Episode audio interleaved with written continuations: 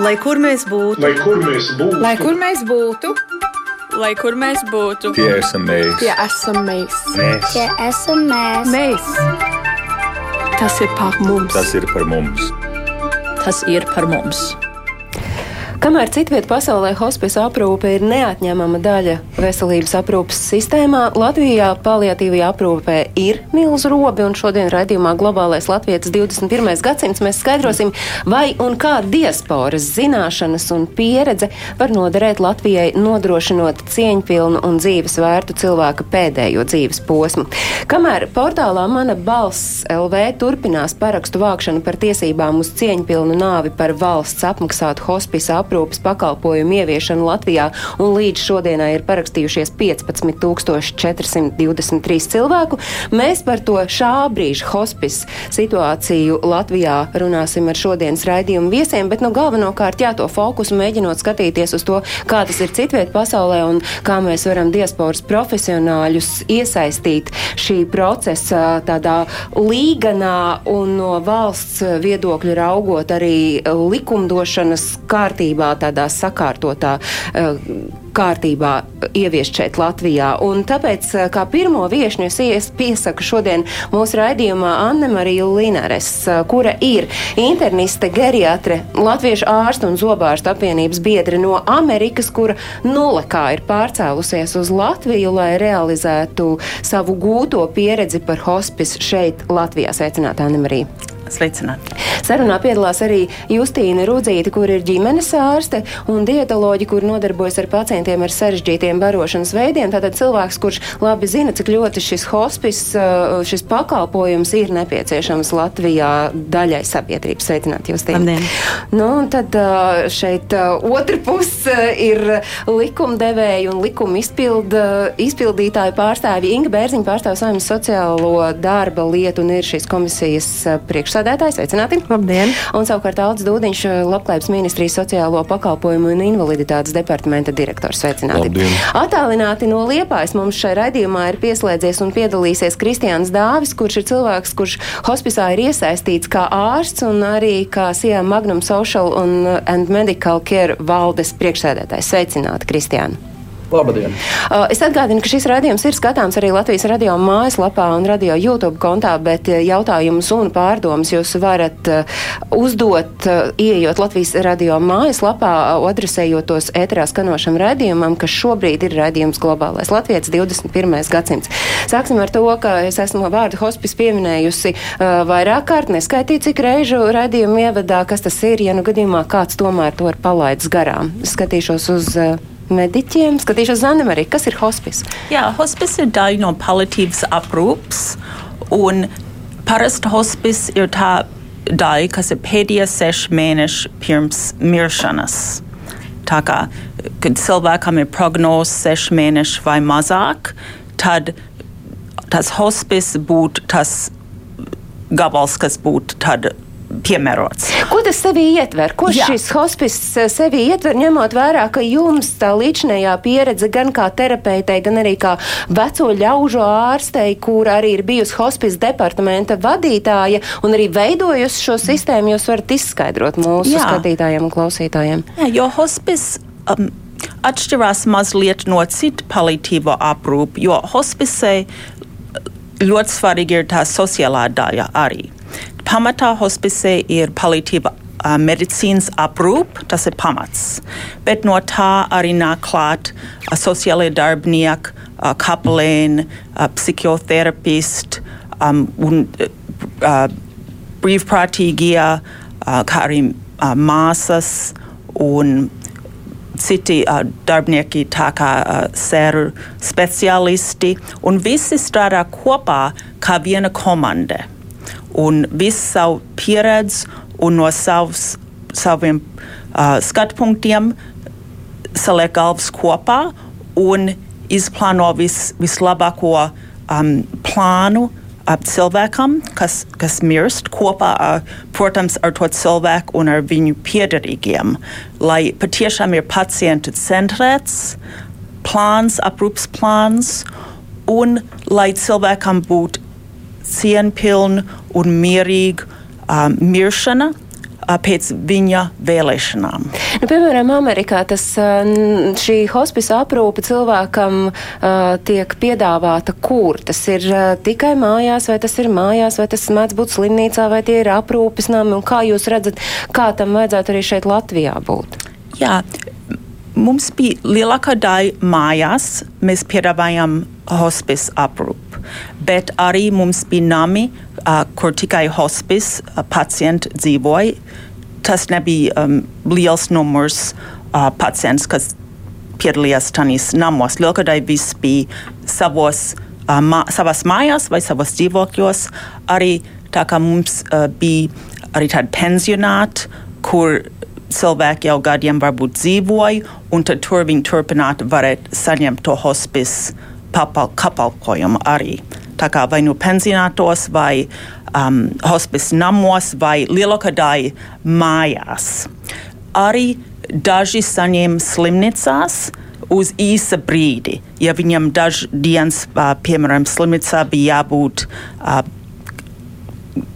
kādēļ, tāpēc, ka varbūt, varbūt um, sāpes bija tik briesmīgas, kad uh, intensīvi um, bija jārastro uh, sāpes ar, ar morfīnu un citām zālēm. Un, un dažas dienas slimnīcā tā kā viņam vajadzēja būt, un tad atkal atgriežas mājās. Un par to slimnīcas laiku viņi bija zem hospice aprūpa arī. Tā kā lielākā daļa viss bija mājās, un mēs atradām, ka cilvēkiem uh, vislabāk patika mājās pie saviem tuviniekiem, un, ja tas bija iespējams, tad mājās bija tā vislabākā vieta, ja tas bija iespējams. Kā tas ir pie mums Latvijā? Šobrīd nu, es varu teikt, ka Latvijā hospice ir autiņos un tādos nu, ļoti, es nezinu, nu, tādos daudz un bieži mazgājamos, vai es, es nemāku tagad noformulēt, pat uzdevu jautājumu, bet nu, tas ir kaut kas jauns pie mums.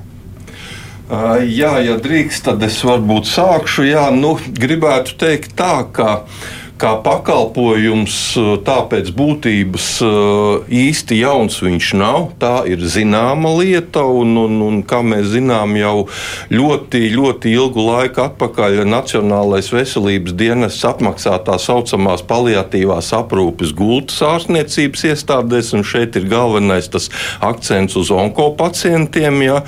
Tāpat mēs zinām, ir vesela virkne sociālās aprūpes centru, kā kolēģi jau minēja. Kur... Bet tas, ko es atvainojos, kas jūs pārtrauc, bet Jā. tas, ko Anna-Marija uzsver, ka lielākoties, tad, kad mēs skatāmies, piemēram, uz Amerikas pieredzi, ir uzsvers vārds mājās. Jā, jā es tieši to gribēju teikt. Jā ka, ja mēs runājam par ta, tas, ko mēs pazīstam kā mūsu aprūpi mājās, ja varbūt tas nav noformulēts teiksim, terminoloģiski, ka tā ir paliatīvā aprūpe vai hospice aprūpe, bet mums ir zināma aprūpe mājās, tā saucamajiem ceturtā aprūpes līmeņa klientiem, un mums ir organizācijas, kas to spēj un prot darīt. Ja, Tā kā it kā tās iestrādes ir, ja, bet nu, tam ir nepieciešams ielikt šo likumdošanas ietvaru un tās pareizās definīcijas. Un es tikai gribēju pateikt, ka attiecībā uz bērniem tā gan lieta jau ir sakārtota jau gadus trīs apmēram atpakaļ, un, un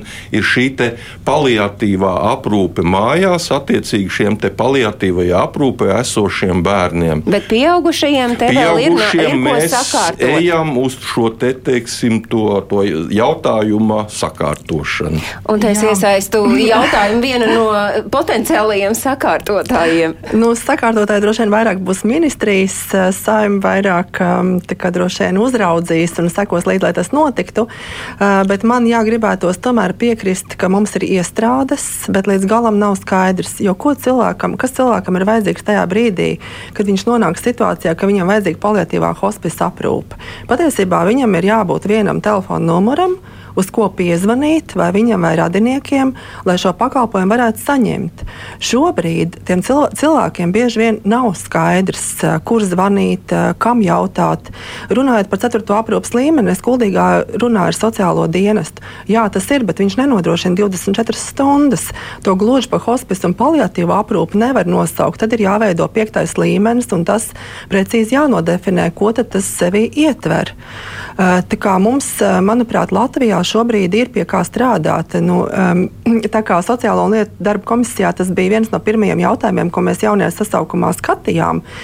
Tad, protams, mēs nu, pastiprinātam pievērsīsim uzmanību. Man jāsaka liels paldies, ka man iznāca šajā jau īstajā laikā paviesoties Rūrē, šodien, kur piedalās arī Kristiāns Dāvis, kur, manuprāt, pilota projekta ietveros ir nu, lielisks. Es nezinu, negribās lietot vārdu ideāls, jo vienmēr var būt kaut kas labāks. Bet piemērs, kā šo hospice un paliatīvo aprūpu nodrošināt Dienvidkurzemes reģionā un Liepājā. Manuprāt, šādā virzienā būtu jāturpina, un šādā veidā tas pakalpojums jānodrošina visā Latvijā. Jo tur ir tieši tas četru ciparu numurs, uz ko cilvēkam piezvanīt. Tur nav tā kā paliatīvā aprūpē, ka tev slimnīcā beidzās tās desmit dienas vai septiņas, un saka cilvēkam, tagad ņemiet to pacientu un li, nu, liekat, kur liekat, gribat. Kur jā, gribat, kur gribat jā. Tas šobrīd pie mums notiek. Tā nedrīkstētu būt, jo, ja Liepājas reģionālā slimnīcā uzreiz ar pacientu tiek strādāts un ar viņa radiniekiem, un tas ir zināms, un uzreiz viņš saprot, vai tas ir mājās, vai tomēr tas nebūs iespējams mājās. Nu, manuprāt, tas labs piemērs, kurš būtu jāmultiplicē visā Latvijā, bet pat droši vien labāk paši īstenotāji. Jā, tieši tā, tāpēc es iesaistīšu Kristiānu Dāvis sarunā. Nu, kas tad tīri praktiski, ko nozīmē hosp šis hospice pakalpojums, vai jūs varat to ieskicēt? Jā, nu, tātad, eh, kā jau kolēģis sākumā minēja, to, kad Anna Marija par to, ka hospice ir tikai daļa no šīs palietīvās aprūpes. Tātad būtībā palietīvā aprūpe pamat pamatos cilvēkiem ir sakarā ar veselības stāvokļa izmaiņām. Galvenokārt mēs šajā nu, gadījumā mūsu valstī runājam par onkoloģiju. Protams, ir arī citi veidi slimības, kas ir varbūt internās, autoimūnās un dažni dažādas, bet Latvijā mēs galvenokārt šobrīd koncentrējamies tikai uz onkoloģisku raksturu saslimšanām. Un tieši šī te, šis te hospice, respektīvi, mēs Liepājā un Dienvidkurzemē nodrošinām ne tikai hospice, mēs nodrošinām visu palietīvo aprūpu cilvēkam un arī šo te hospice aprūpu. Ko, ko tad tas nozīmē? Jā, izskanēja šis te termiņš par tiem sešiem mēnešiem. Tātad ārstu koncīlijas nosaka pacientam pēc izvērtējuma koncīlija ietvaros, ka pacientam nav iespējama, pieņemsim, ķirurģiska terapija, ķīmija vai staru terapija. Un tajā brīdī, kad tiek konstatēts, ka pacientam slimība, slimība ir neārstējamā stadijā un var tikai nodrošināt simptomātisku ārstēšanu, tad pacientam pie, pie, piešķir un nozīmē šo palietīvo aprūpu, kuru mēs attiecīgi arī visā reģionā nodrošinām. Uh, runājot jā, par šo visu milzīgo komandas darbu, ko, ko visu laiku atkal un atkal mēs nepārtraukti runājam, to, ka uh, palietīvā aprūpe ir milzīgs komandas darbs. Tas nav tādā klasiskā formātā un interpretācijā, to kā ķirurģijā vai arī kādā citā medicīnas nišā, kur ir pieņemsim ārstējošais ārsts un atbalsta personāls medicīnas. Šeit, šajā mūsu komandā, ko, ko konkrēti strādā ārsti, ārstu palīgi, māsas, uzturspeciālisti, fizioterapeiti, sociālie darbinieki, uh, kapelāni, koordinātori koordinātori vairāk, kas to visu procesu koordinē. Līdz ar to tas ir nedaudz citādāk tādā, no tādas klasiskās medicīnas uh, profila interpretācijas. Uh, runājot arī par šo sociālo aprūpi, viennozīmīgi nereti šiem pacientiem arī ir nepieciešama šī sociālā aprūpe, bet te jau mēs pieskārāmies tam jautājumam, arī ko Bērziņas kundze teica par tām astoņām stundām. Būtībā jau ir tā, ka tie cilvēki, kas nonāk mūsu redzeslokā, aptuveni 90% no mūsu aprūpējumiem cilvēkiem, eventuāli arī sagaida to savu izskaņu savās mājās. Tātad primāri pie pamatīgas un kvalitatīvas sakārtotas veselības aprūpes, respektīvi pie sakārtotas medikamentozās terapijas, regulārām brigāžu, eh, brigāžu vizītēm, eh, pie plānveida slimnīcas procedūrām, kas tiek īstenotas Liepājas reģionālajā slimnīcā. Lielākā daļa šo pacientu šo dienu sagaida mājās. Un, ja pacientiem ir nepieciešama papildus kaut kāda aprūpe mājās tieši no šīs sociālās puses, tad mēs ļoti cieši sadarbojamies ar lokālajiem sociālajiem dienestiem, vai tas Liepais sociālais dienests vai tas ir Dienvidkurzem sociālais dienests, kurš tad nodrošina šīs līdz šīm astoņām stundām to sociālo darbinieku, kurš atbalsta arī aprūpētāju.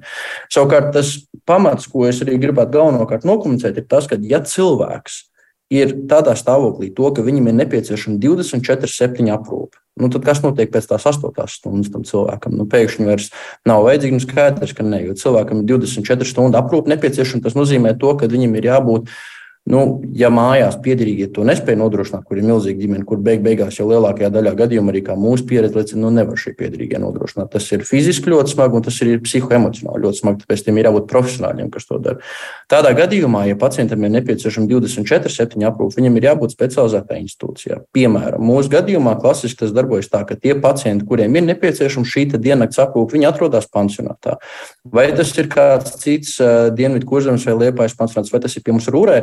Šie cilvēki šo aprūpu saņem šajā institūcijā, savukārt visu medicīnisko pusi mājas palīdzības aprūpes brigādes jau nodrošina arī pašās ilgstošas sociālās aprūpes iestādē, jo būtībā tās jau ir šī cilvēku mājas. Jā, te vairāk kārt pieminētā rūra, tas ir sociālās aprūpes centrs ar tādu nu, jaunu uh, veselības un aprūpes uh, sistēmas pieeju. Justīna, tas, ko Kristiāns Nolukā sacīja, ka viņi šobrīd fokusējas uz onkoloģijas pacientiem, jūs no savas skatu punkta redzat, tas nav aktuāls jautājums tikai onkoloģijas pacientiem. Kādām pacientu grupām jūs ikdienā redzat, ir šis hospice nepieciešams? Un mēs nevaram runāt, ka tas ir tikai uh, stāsts par cilvēkiem mūža nogalē, runājot par sirmu vecumu. Jā. Jā, man šķiet, ka varbūt tiešām nav tik ļoti jākoncentrējas uz diagnozēm un uzstādīt šo terminu paliatīva aprūpe, jo tiešām tas noteikti to, ka mums ir jāspēj prognozēt cilvēka nāve. Un, diemžēl, vai par laimi, tātad medicīnai attīstoties, mēs īsti vairs nevaram to prognozēt. Un medicīna tiešām ļoti strauji attīstās, un daudzi cilvēki, kuri pirms kāda laika būtu uh, droši vien miruši, šobrīd uh, sēž pie galda un ēd ar šiem sarežģītiem barošanas veidiem, kas ir arī mani pacienti, un tie nevienmēr ir onkoloģiski pacienti varbūt jaunāki cilvēki ar motoneironu saslimšanām, kad uh, viņi nevar vienkārši norīt, un tie varbūt arī Arī onkoloģiski pacienti ar barības vada vēzi, kuru, kuru tiek ievietota, pieņemsim, trubiņos kuņģi.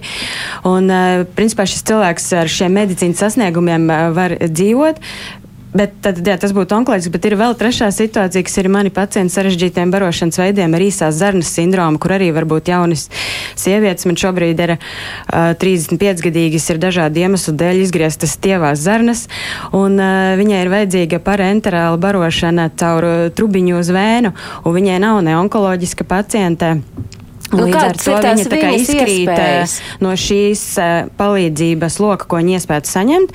Līdz ar to mans, mans tāds, man liekas, ka mums ir jādara, kā ir arī Amerikā ir, ka cilvēkiem šī palīdzība tiek piešķirta atkarībā no viņa šīs neatkarības līmeņa, un ka kopīgi šis ģimenes ārsts ar sociālo darbinieku vai ar kādiem ārstiem nosaka cilvēka neatkarības līmeni, un tad attiecīgi tajā vietā, kur viņš var būt maksimāli neatkarīgs, cenšas viņam arī palīdzēt un ļaut tur būt. Un netik ļoti varbūt jā, domāt par tām diagnozēm, jo ir kaut kādas lietas, ko mēs nevaram paredzēt, bet neatkarības līmenis, domāju, var noteikt. Bet šobrīd diagnoze ir atslēgas vārds. Nu, palietīva aprūpē noteikti. Nu, varbūt īsti tam līdz galam nevarētu piekrist attiecībā par onkoloģiskiem pacientiem un attiecīgu šo ceturto stadiju ar to prognozi. Jā, tas, tas tā varētu būt, bet ja mēs runājam par tām citām tā saucamajām nozoloģijām, nu tur tā Kas īsti ne, nu, tas ir. Tas ir, nu, kā jau te kolēģi minēja, slimības, ir dažādas slimības, un kā mēs sapratām, ka šī te paliatīvā aprūpē cilvēks var būt praktiski pie jebkuras slimības. Kā jā, Amerikā, nu, Anmarī, nu, kā tur cilvēks tiek pie šī hospice pakalpojuma? Jā, pie hospice pakalpojuma diviem ārstiem ir jāsertificē, kad ir sešu mēnešu prognoze, lai tiek pie hospice. Tagad no visām slimībām, kas nav ārstējošas, um, onkoloģijas slimības ir visvieglāk prognozēt. Un Visgrūtāk ir varbūt demens. Dot prognozi demencei ir, ir grūtāk, un citas slimības kaut kur starpā. Tā kā tas ir. Um, ir daudz rakstīts par to, kā prognozēt, un visāds um, punkts jāņem vērā, uh, bet ir onkoloģija uh, vieglāk prognozēt, bet, kā es teicu, es minēju, ka daudz uh, mūsu pacientu faktiski ir demens pacienti un, un citas slimības, kur ir faktiski grūti. Un tā kā mēs mēģinām teikt, uh, kad būs seši mēneši, bet varbūt tas cilvēks faktiski dzīvo divus gadus, un varbūt tikai dzīvo vienu nedēļu.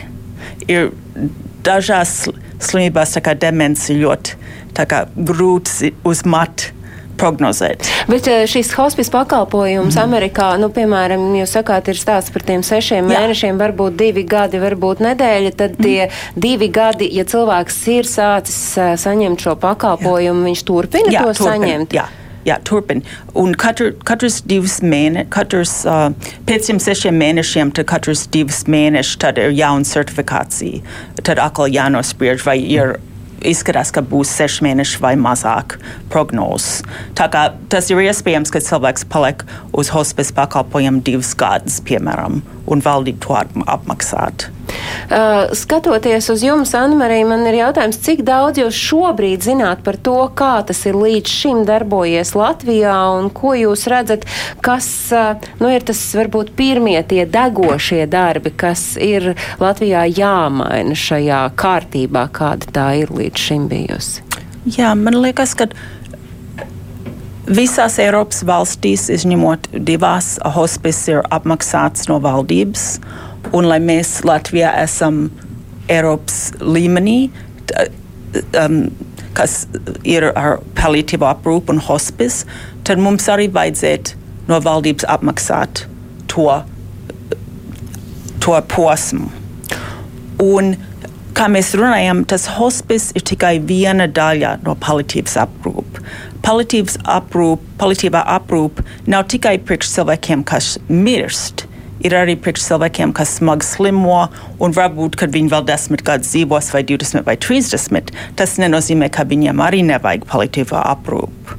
Var gadīties, ka viņam arī vajag, jo viņam ļoti daudz vajadzības ir, un palīdzīvā aprūpe varētu viņam izpalīdzēt. Nu, tas ir tāds ļoti plašs uh, tematu lokus. Jūs tiem gribējāt ko piebilst? Es gribēju pateikt, kā es to kā ģimenes ārsts redzu, kā tas šobrīd arī ir Latvijā. Tātad pat ir, ir, ir mums tiešām dažas labas iestrādes, ko citreiz arī aizmirstam mēs ārsti. Tad, tad pacientam būtībā ir pieejama arī veselības aprūpe mājās ar ģimenes ārsta nozīmēm. Ja mēs runājam par šo vienu numuru, es patiešām domāju, ka ir visiem jāsaprot, ka mūsu valstī caur ģimenes ārstu tiek pārsvarā organizēti visi pakalpojumi. Dažreiz gan mēs aizmirstam, ka tas ir arī ārsts, ne tikai tas, kurš mums tikai kaut ko organizē. Bet, uh, Tā tad uh, ir iespējams saņemt šo veselības aprūpi mājās vienreiz dienā. Un, uh, tas ir ļoti labi. Un, uh, tur ir tur arī, protams, ir šie diagnožu kodi, ar kuriem to var dabūt. Bet tas nav tātad atkal šo nosūtījumu. Es nerakstu atkarībā no pacienta aprūpas līmeņa. Bet, protams, pie dažām diagnozēm mēs varam nojaust, kāds ir aprūpas līmenis. Bet tātad tikai atkarībā no diagnozes es varu pie pacientam sarunāt, šo, sagādāt šo aprūpi vai nē.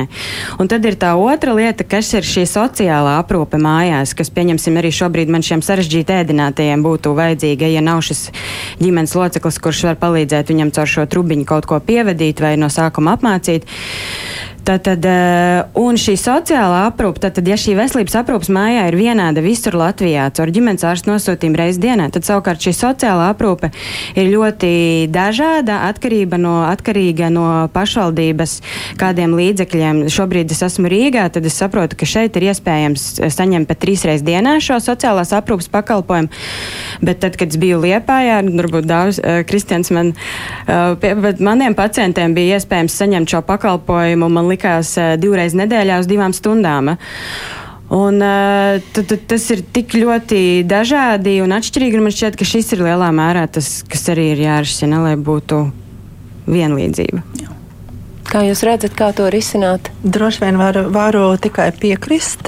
Ir skaidrs, ka mums arī likumdošanā, kā jau arī šeit minēja visi klātesošie kolēģi, nav līdz galam tas tomēr atrisināts.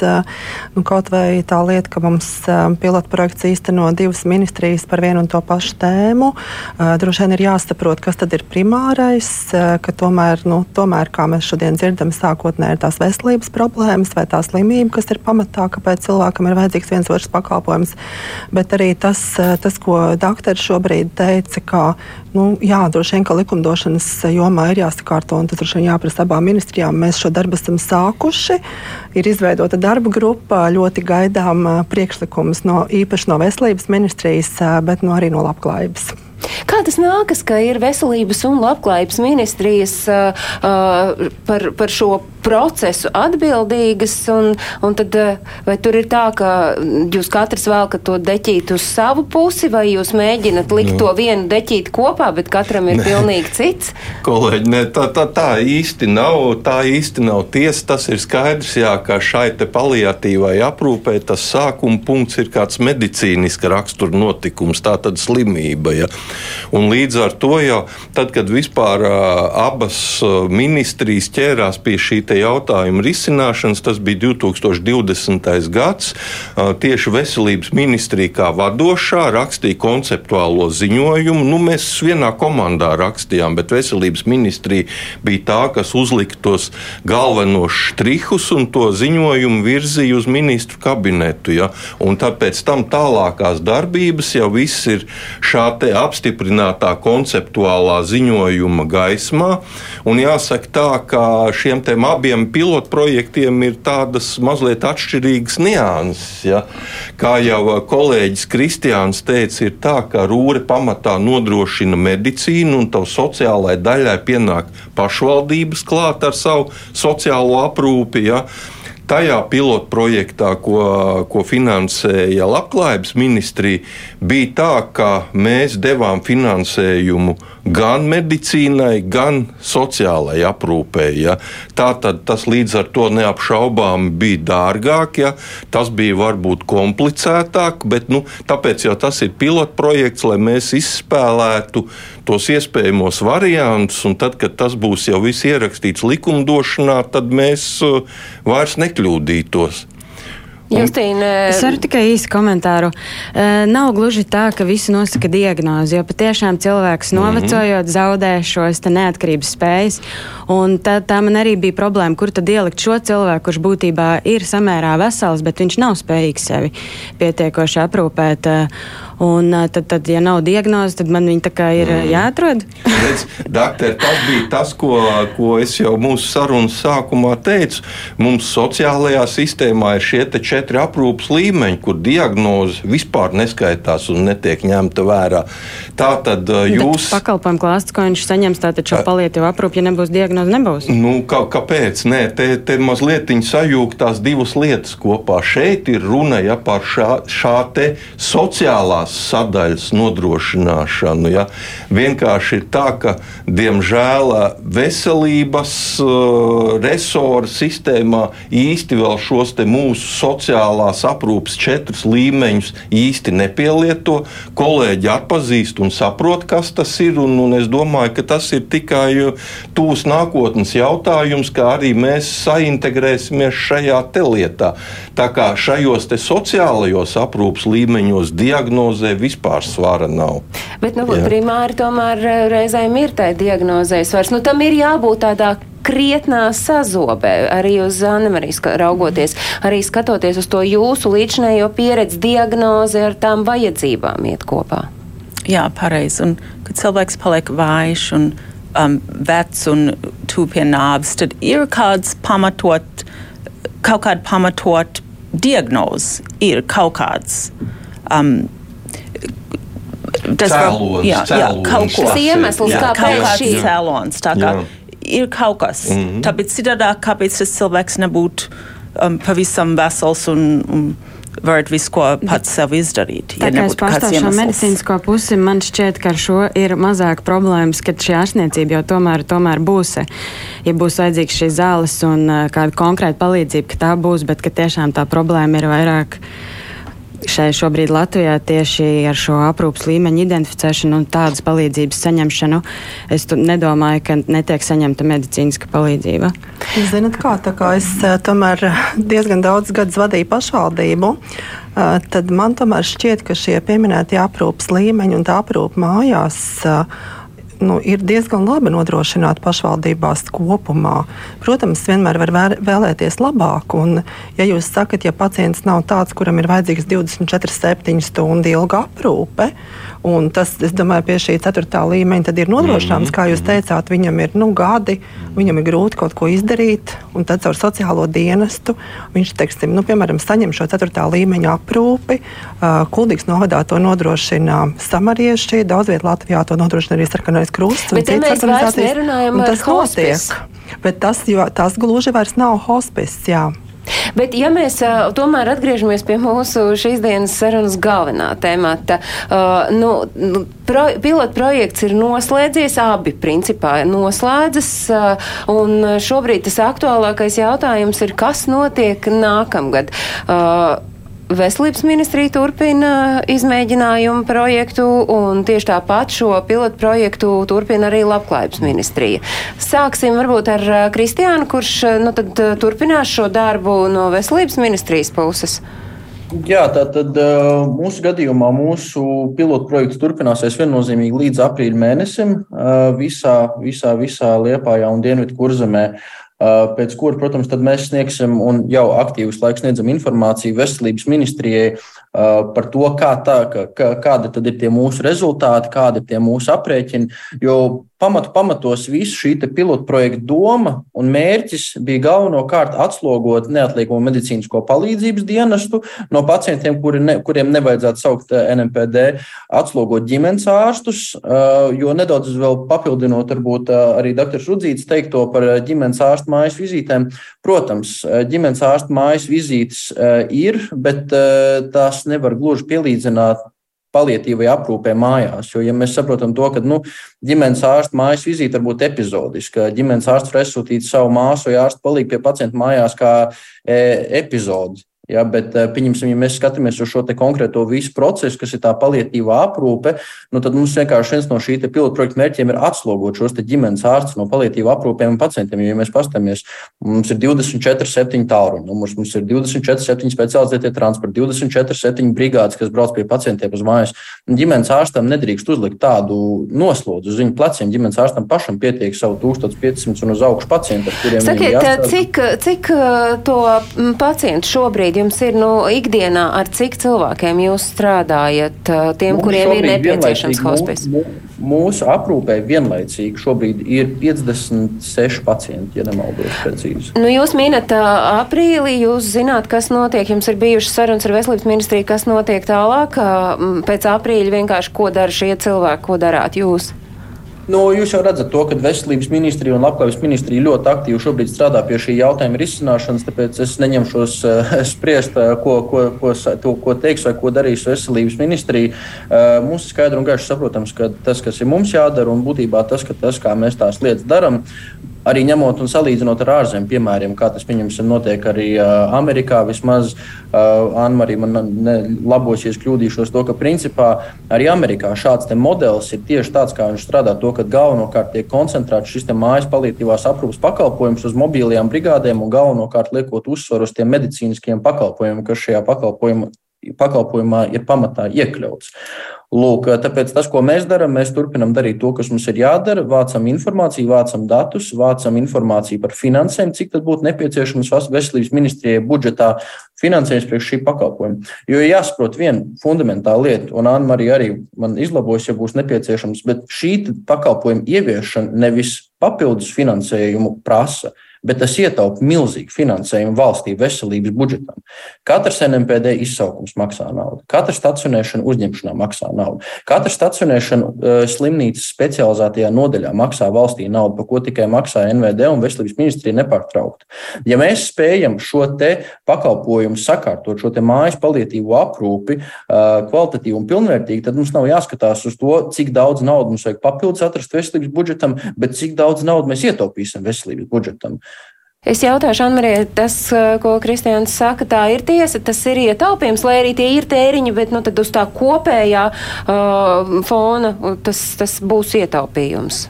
Jā, ir. uz mat ir tā. Um, Tani organizācijā, kuras bija um, uh, līderis, uh, mum, mēs darījām mājā um, palītīvo aprūpu, kā arī hospice. Un bija patiešām pārsteidzoši, cik daudz naudas mēs ietaupījām valdībai. Šobrīd šeit pie mums Latvijā tas ir gan brīvprātīgo darbs, un tomēr to pamatu veido ārstniecības personas, kas ir ārsti un māsas, un arī sociālie darbinieki. Tātad veselības ministrija turpina līdz aprīlim darbojas Rūre, kas notiek ar labklājības ministriju? Kādi ir uh, 2023. gada plāni labklājības ministrijai? Vai tas joprojām ir pilotprojekts? Nu, diemžēl pilotprojekts, jo kā jau mēs visi saprotam, lai tas būtu patstāvīgs un, un ar patstāvīgu pakal, finansējumu esošs pakalpojums, visaptverošs, ir vajadzīgas krietnas izmaiņas likumdošanā. Tāpēc, kā jau Bērziņas kundze teica, saimnes komisijā ir darba grupa, un mēs visi iesaistītie kopā strādāsim, lai to iespējami ātri un tādā harmoniskā veidā sakārtotu. Bet neraugoties uz to, un par cik tā tomēr ir arī viena no mūsu lielajām prioritātēm, mēs vērsāmies valdībā ar lūgumu ka, ja nu, šī patstāvīgās finanšu līnijas nav, nu, tad varbūt varam turpināt ar pilotiem un nu, saņēmām atbalstu vismaz nākamā gada pirmajam ceturksnim naudas piešķīrumu, tur gandrīz 200 tūkstoši eiro, lai tad uh, turpinātu šo pilotu projektu, liekot akcentu varbūt ar tālākiem reģioniem, ja kur tas uzsvars uz latgali tieši būs. Bet šobrīd, jā, es tieši skatos, ka tajā nākamajā gadā ir plāns lielāku uzsvaru un uzmanību veltīt latgales iedzīvotājiem. Šobrīd mēs dzirdam, uh, dienvidu kurzeme ir nu nosacīti drošajā zonā, kuras vēl Latvijas vietas var teikt, ka jā, ja vajag, tad hospis mums ir iespējams.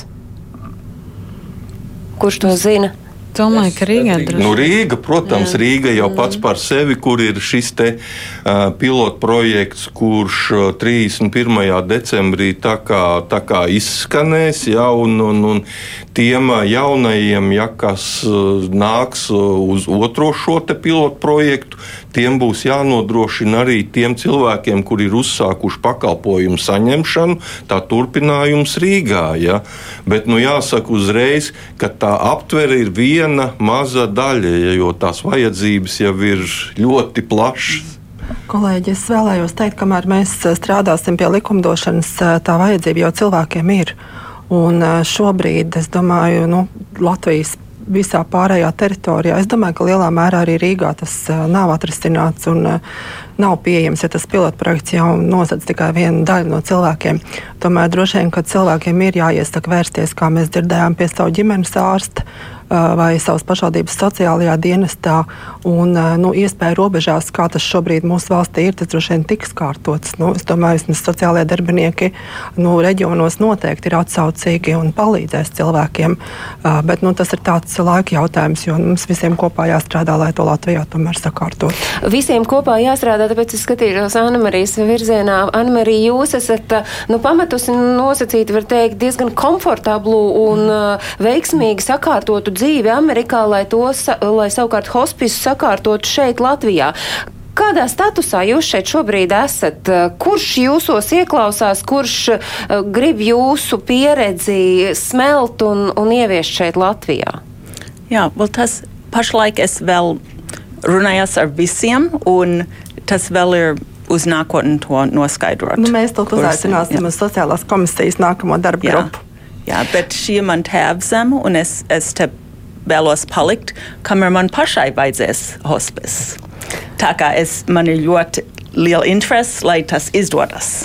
Nu, mēs jūs te visus kopā vairāk vai mazāk esam saveduši, un Anna-Marija pati, protams, par sevi arī saka, ka tā ir tāda, nu, jūsu sirdslieta šis hospis, un es eh, tiešām no visas sirds ceru, ka jūs ar to savu pieredzi, uh, kurā jūs esat ieguldījusi gan savu dzīves daļu, gan arī savu sirds daļu, ka tam būs vērte šeit Latvijā un ka tiešām tajā ieklausīties ieklausīsies. Eh, ja mēs eh, nu, tagad eh, mēģināsim pamodelēt, nu, kurš gads ir tas, kad jūs visi šeit atnākat uz studiju un sakāt, nu, ka jā, vienmēr var labāk, bet uz šo brīdi uh, hospice Latvijā ir uh, sakārtots un, un darbojas?